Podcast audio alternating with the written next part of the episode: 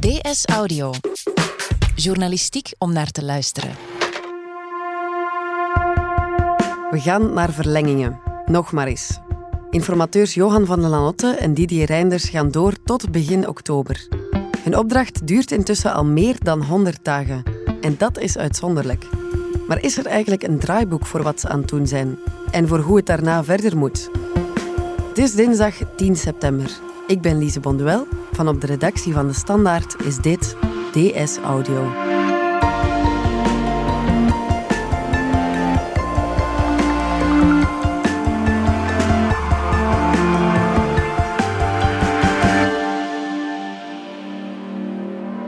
Bart Brinkman. Het is maandagmiddag, 9 september, kwart over vier. Binnen een paar minuten gaan Johan van der Lanotte en Didier Reinders een persconferentie geven. Uh, en we gaan hier samen naar de livestream kijken. We zien een lege tafel nu, waar micro's op klaarstaan. Zijn dit dan de grote momenten? Als ik eerlijk ben, uh, is dit absoluut geen groot moment. En moet ik zelfs toegeven dat journalisten dat een eerder saai moment uh, vinden. Alle media zitten daar, is allemaal heel gestroomlijnd. Meestal zijn ze ongelooflijk voorzichtig in hun antwoorden. Dus je kan niet echt zeggen dat dat voor een journalist een hoogtepunt is, nee. Voilà, bonjour. Iedereen. Il faut bien constater aujourd'hui, à la fin de cette période d'information euh, classique, qu'une phase de formation n'est pas encore envisageable, n'est pas encore possible aujourd'hui. Le roi nous a chargé d'une euh, nouvelle mission euh, jusqu'au plus tard le début du mois d'octobre. De laatste verlenging tot uh, begin oktober. En dan is het echt gedaan. En dan is het definitief. En dan is het gedaan voor de informateurs. Que nous allons mener uh, cette nouvelle phase, cette nouvelle mission, avec six. En uh, het is duidelijk, ze zijn nu nog met zes. Pour être concret, la NVA, le CDNV, l'OpenVLD, le SPA, l'EPS et le MR. Nous allons travailler sur un certain nombre de thèmes très, très concrets. En men gaat werken rond uh, concrete thema's. La migration, uh, pension, l'assurance maladie. Budget, migratie. De ziekteverzekering, werkgelegenheid, veiligheid, begroting, klimaat, energie, armoede, defensie. Dat soort dingen meer. Dat zijn zaken die aan bod zullen komen. De staatshof heeft ons de opdracht gegeven om de komende weken een aantal van die specifieke onderwerpen uit te werken, uit te diepen en proberen daar effectief in toch wel delicate materies ook reeds. Maar je voelt ook voor de rest heel weinig uitleg. Niks over de inhoud, uh, allemaal uh, zeer vloe, dus veel nieuws gaan we nu niet meer vernemen.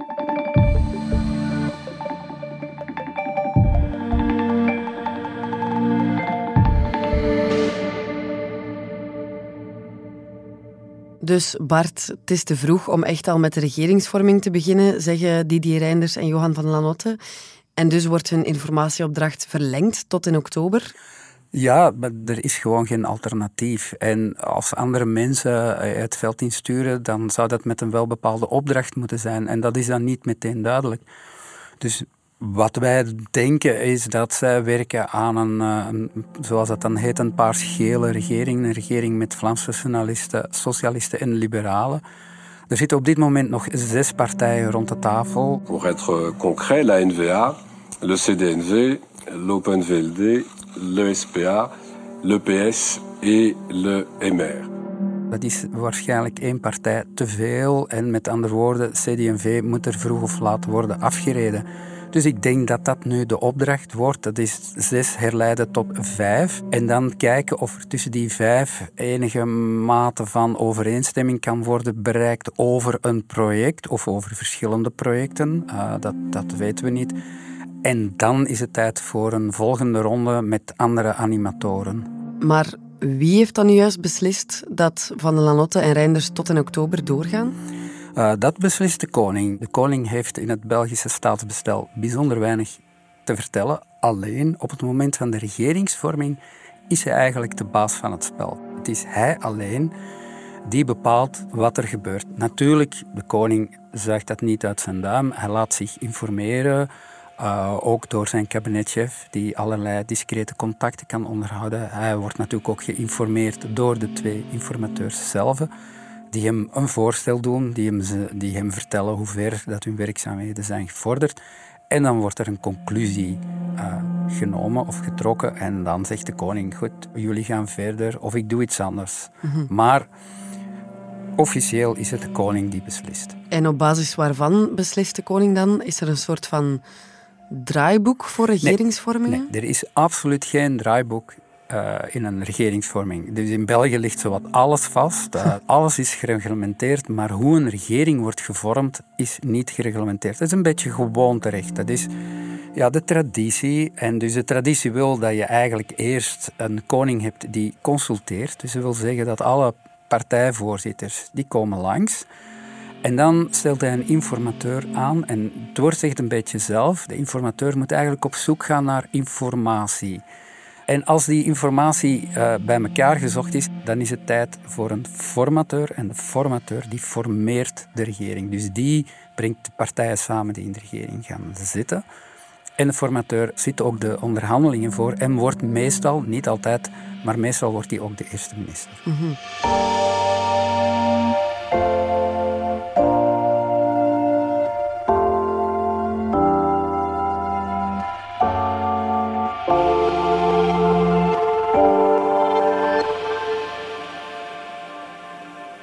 zegt, Bart, er zijn geen regels, er is geen roadmap voor het paleis. Maar hoe zit dat dan eigenlijk voor Reinders en Van de Lanotte? Net, zij zijn eigenlijk ook zo vrij als, uh, als een vogeltje. Zij kunnen de opdracht invullen op de manier waarop zij denken dat het het snelst tot een resultaat uh, zal leiden. Het is gewoonterecht, het is traditie. Niks staat op papier en bij gevolg is het uh, creativiteit, het troef. Het enige wat telt is het resultaat. Ja. Alles is mogelijk. Alles kan. Ja. Het is creativiteit troef, zeg je. Reinders en Van der Lanotte gaan nu hun vijfde verlengingen in. En ze gaan nu met partijen spreken rond bepaalde thema's. Dat is ook belangrijk. Ze gaan iets verder. Ze gaan eigenlijk al echt starten met onderhandelingen. Uh, dat was eigenlijk al een beetje het geval in de vorige fase, maar je ziet dat ze daarop verder werken. Mhm. En ze gaan ook één op één onderhandelen. Dus ze gaan eigenlijk ja, om beurten partijen uitnodigen om daar vooruitgang te boeken, maar eigenlijk al echt beginnen met de vorming van een kabinet. Dus, noem het een preformatie, maar je zit eigenlijk al inhoudelijk verder dan gewoon informeren. Dit is echt al een eerste stap naar de vorming van een regering. Dus je voelt hoe dat zij hun opdracht steeds ruimer invullen, ja. om dan wellicht begin uh, oktober te kijken wat er mogelijk is. En dan, uh, als, die, als die regionale regeringen gevormd zijn, dan staat iedereen klaar. En dan zal het uh, ja, make or break zijn. Hè. Dan -hmm. lukt het paarscheel of lukt het niet. Hè. En dat zullen we dan in oktober weten.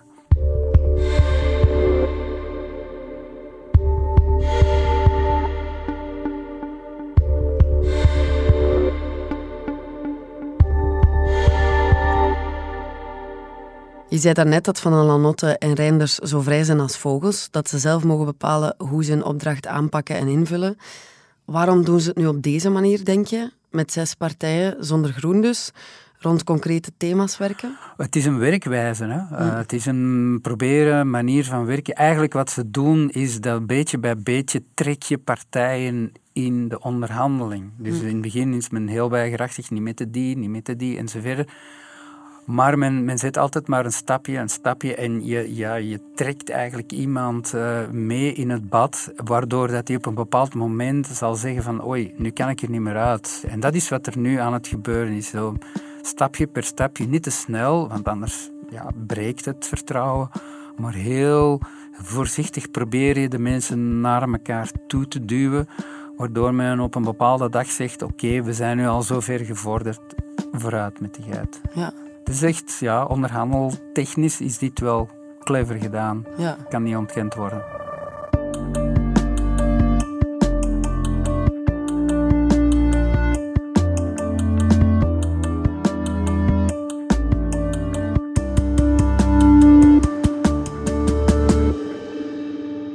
We zijn er zo terug. Starten met een zaak. Voor sommigen blijft het een droom, anderen gaan er volledig voor. In Startschot, een podcast van KBC, laten we de doeners aan het woord. Zoals Stijn van Brouwerij de Poes. Mij hebben ze altijd geleerd, je kunt niet alles kunnen.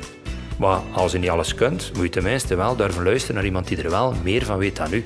Startschot, een podcast vol inspiratie over starten met je eigen zaak. Beluister hem nu via je vertrouwde streaming-app of op kbc.be-starters.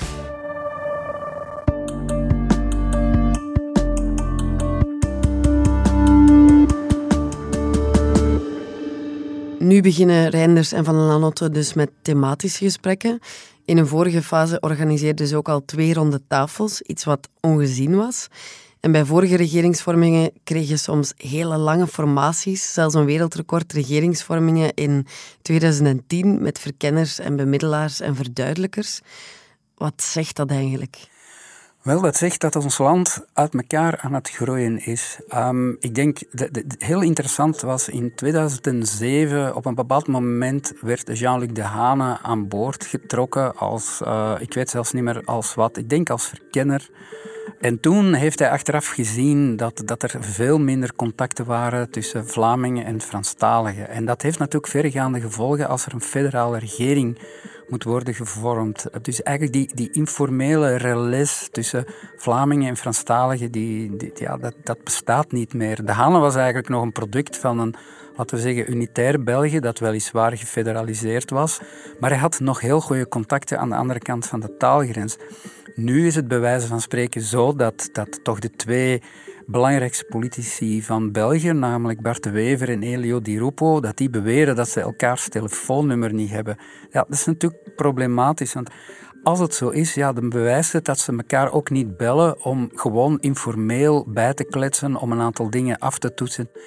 En dat is uiteindelijk wat er bij een regering ook moet gebeuren. De mensen moeten vertrouwen krijgen in elkaar. Ja, en als je al mekaars telefoonnummer niet hebt en als je dus al geen soort van informaliteit hebt, hè, waar, dat je gewoon, al was het maar dat je informeert naar de partner van de andere of naar de gezondheid van de kinderen, zo small talk, als dat er allemaal niet is, ja, dan wordt het gewoon moeilijk om, uh, om tot elkaar te komen. En dan heb je allerlei trucs nodig, verkenners, een ronde tafel, uh, waar dan andere mensen bij zitten, om dan toch maar niet te moeten zeggen dat je met één enkele persoon in dezelfde kamer hebt gezeten. Je zei het net, uh, in ons land ligt bijna alles vast, tot in het absurde toe. We zijn daar vrij legendarisch voor. Uh, zeker voor de verkiezingen is alles heel strikt gereglementeerd. En dan na de verkiezingen zien we dat alles eigenlijk kan en alles mag. Is dat niet gek? Goh, het is natuurlijk een boetaal om te zeggen dat nu alles kan en mag, maar in elk geval het veld ligt open. En dat is misschien maar goed ook, want stel u voor dat, dat de hele regeringsvorming strikt gereglementeerd zou zijn. Ja, dan ben je niet in staat om bij heel moeilijke uitslagen uh, ja, voldoende creativiteit aan de dag te leggen om de verschillende partijen uh, bij elkaar te brengen. Dus dat lijkt me nu echt wel goed. Eh, dat, dat, uh, dat dat zo loopt. Het enige wat je misschien zou kunnen zeggen is, ja, er zit nu geen timing op en dat betekent dat ja, politici toch wel hun tijd nemen. De informateurs zijn nu bijna 110 dagen bezig. Uh, Er mhm. is eigenlijk nog niet onderhandeld en dat is wel uniek. Ik bedoel, zelfs in 2010 heeft het uiteindelijk wel lang geduurd, maar had men toch al onderhandeld. Uh, dat is nu allemaal niet gebeurd. Goed, dan zullen dan weer uh, critici zeggen, ja, maar als je daar een timing op zet, dan gaan mensen nerveus worden. Heb je deadlines, dat is misschien ook niet goed. Maar ja, men kan ook niet bezig blijven, denk ik dan. Ik begrijp wel dat partijen die verloren hebben, dat die even door een, uh, door een soort van catharsis moeten of door een rouwmoment. Maar na drie maanden zou het toch wel, uh, zou het toch wel moeten zijn van kom aan, vooruit met de geit.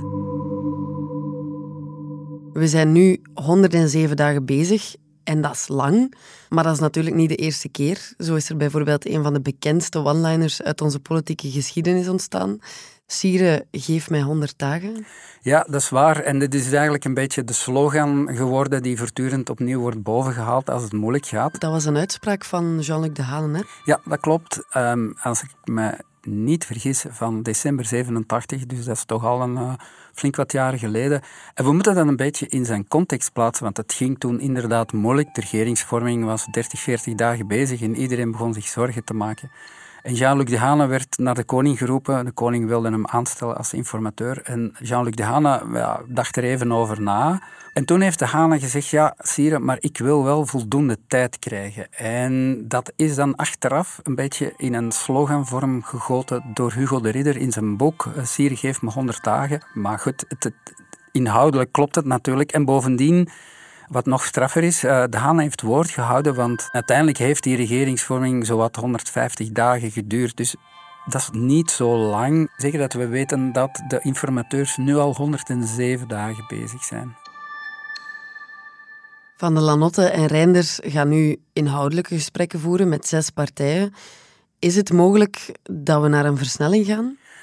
Dat zou kunnen. Ik heb echt geen uh, glazen bol. Um, maar het zou natuurlijk wel goed zijn dat we tegen het einde van het jaar echt een regering hebben. Als het langer gaat duren, ja, dan, dan, dan uh, vrees ik toch wel wat moeilijkheden. Want er wordt wel eens vergeleken naar uh, 2010, 2011. En toen mocht het 540 dagen duren. Maar in tegenstelling tot toen heeft de huidige ontslagnemende regering heeft absoluut geen meerderheid meer. Nauwelijks 38 zetels. Dat wil dus zeggen dat die eigenlijk niks kan gedaan krijgen.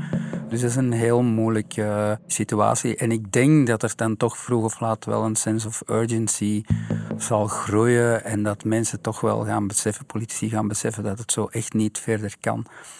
Maar nog eens, ik heb geen glazen bol. En men werkt nu op, op het denkspoor paars-geel. Als dat echt mislukt, ja, dan zou het echt nog wel lang kunnen duren. Mhm. Maar als dat al zo duidelijk is, paars-geel, waarom duurt dat dan zo lang? Ja, dat lijkt inderdaad wel vreemd. Omdat je, je zou kunnen zeggen, de grootste partij in Vlaanderen en de grootste partij in Wallonië, die moeten samen een regering vormen. Je zou denken, dat is nog allemaal logisch, dat moet toch allemaal snel gaan. Maar dat is, uh, ja, dat is natuurlijk rationeel denken. En in de politiek speelt de irrationaliteit soms een grote rol. Het heeft te maken met relaties. Het heeft ook te maken met hoe de partijen zichzelf positioneren, omdat ja, ze hebben allemaal electoraal slaag gekregen. Mhm. En wat ook nog meespeelt, is carrièreplanning. Een aantal partijvoorzitters uh, ja, zijn eigenlijk aan het einde van hun Latijn, zoeken natuurlijk ook uh, vluchtwegen, willen eventueel minister worden. En, dus ja, er spelen heel veel verschillende krachten, wat maakt dat hetgene wat logisch is, dat dat uiteindelijk niet gebeurt. Of in ieder geval pas met vertraging gebeurt. En Van Lanotte en Reinders die gaan dus normaal gezien hun laatste verlengingen in tot oktober. Worden zij daar eigenlijk op een of andere manier beter van? Um, als je het materieel bedoelt, dan denk ik is het antwoord ontkennend. Um, dus ze krijgen daar geen geld voor. Dit is tot meerdere eer en glorie van het vaderland of van okay. zichzelf. Het is natuurlijk zo, het zijn twee politici die, ik zal niet zeggen fijne carrière zijn, maar in ieder geval, we vertrekken uit de vaderlandse politiek. Johan van der Lonte was eigenlijk al weg. Uh, Didier Reinders vertrekt wel dra, want hij wordt uh, Europees commissaris. Dus het zijn mensen die, die in zekere zin er weinig bij te winnen hebben, buiten een, een, een soort dankbaarheid en buiten het feit dat zij wellicht um, als, als staatsmannen uh, de geschiedenis ingaan. Dus op dat punt worden ze er misschien wel iets beter van. Goed, Bart Brinkman, bedankt. Graag gedaan. Dit was DS Audio. Wil je reageren? Dat kan via dsaudio.standaard.be. In deze aflevering hoorde je Bart Brinkman en mezelf, Lise Bonduel. De redactie en de eindredactie gebeurde door Wouter van Driessen. Brecht Plasgaard deed de audioproductie. Brecht schreef ook de muziek. Vond je deze podcast interessant? Weet dan dat je er elke werkdag één kunt beluisteren. Dat kan via de DS Nieuws app of via standaard.be-audio. Je kunt je ook abonneren via iTunes, Spotify of de podcast-app van je keuze. En als je daar dan toch bent, schrijf gerust een review. Zo toon je ook anderen de weg. Morgen zijn we er opnieuw.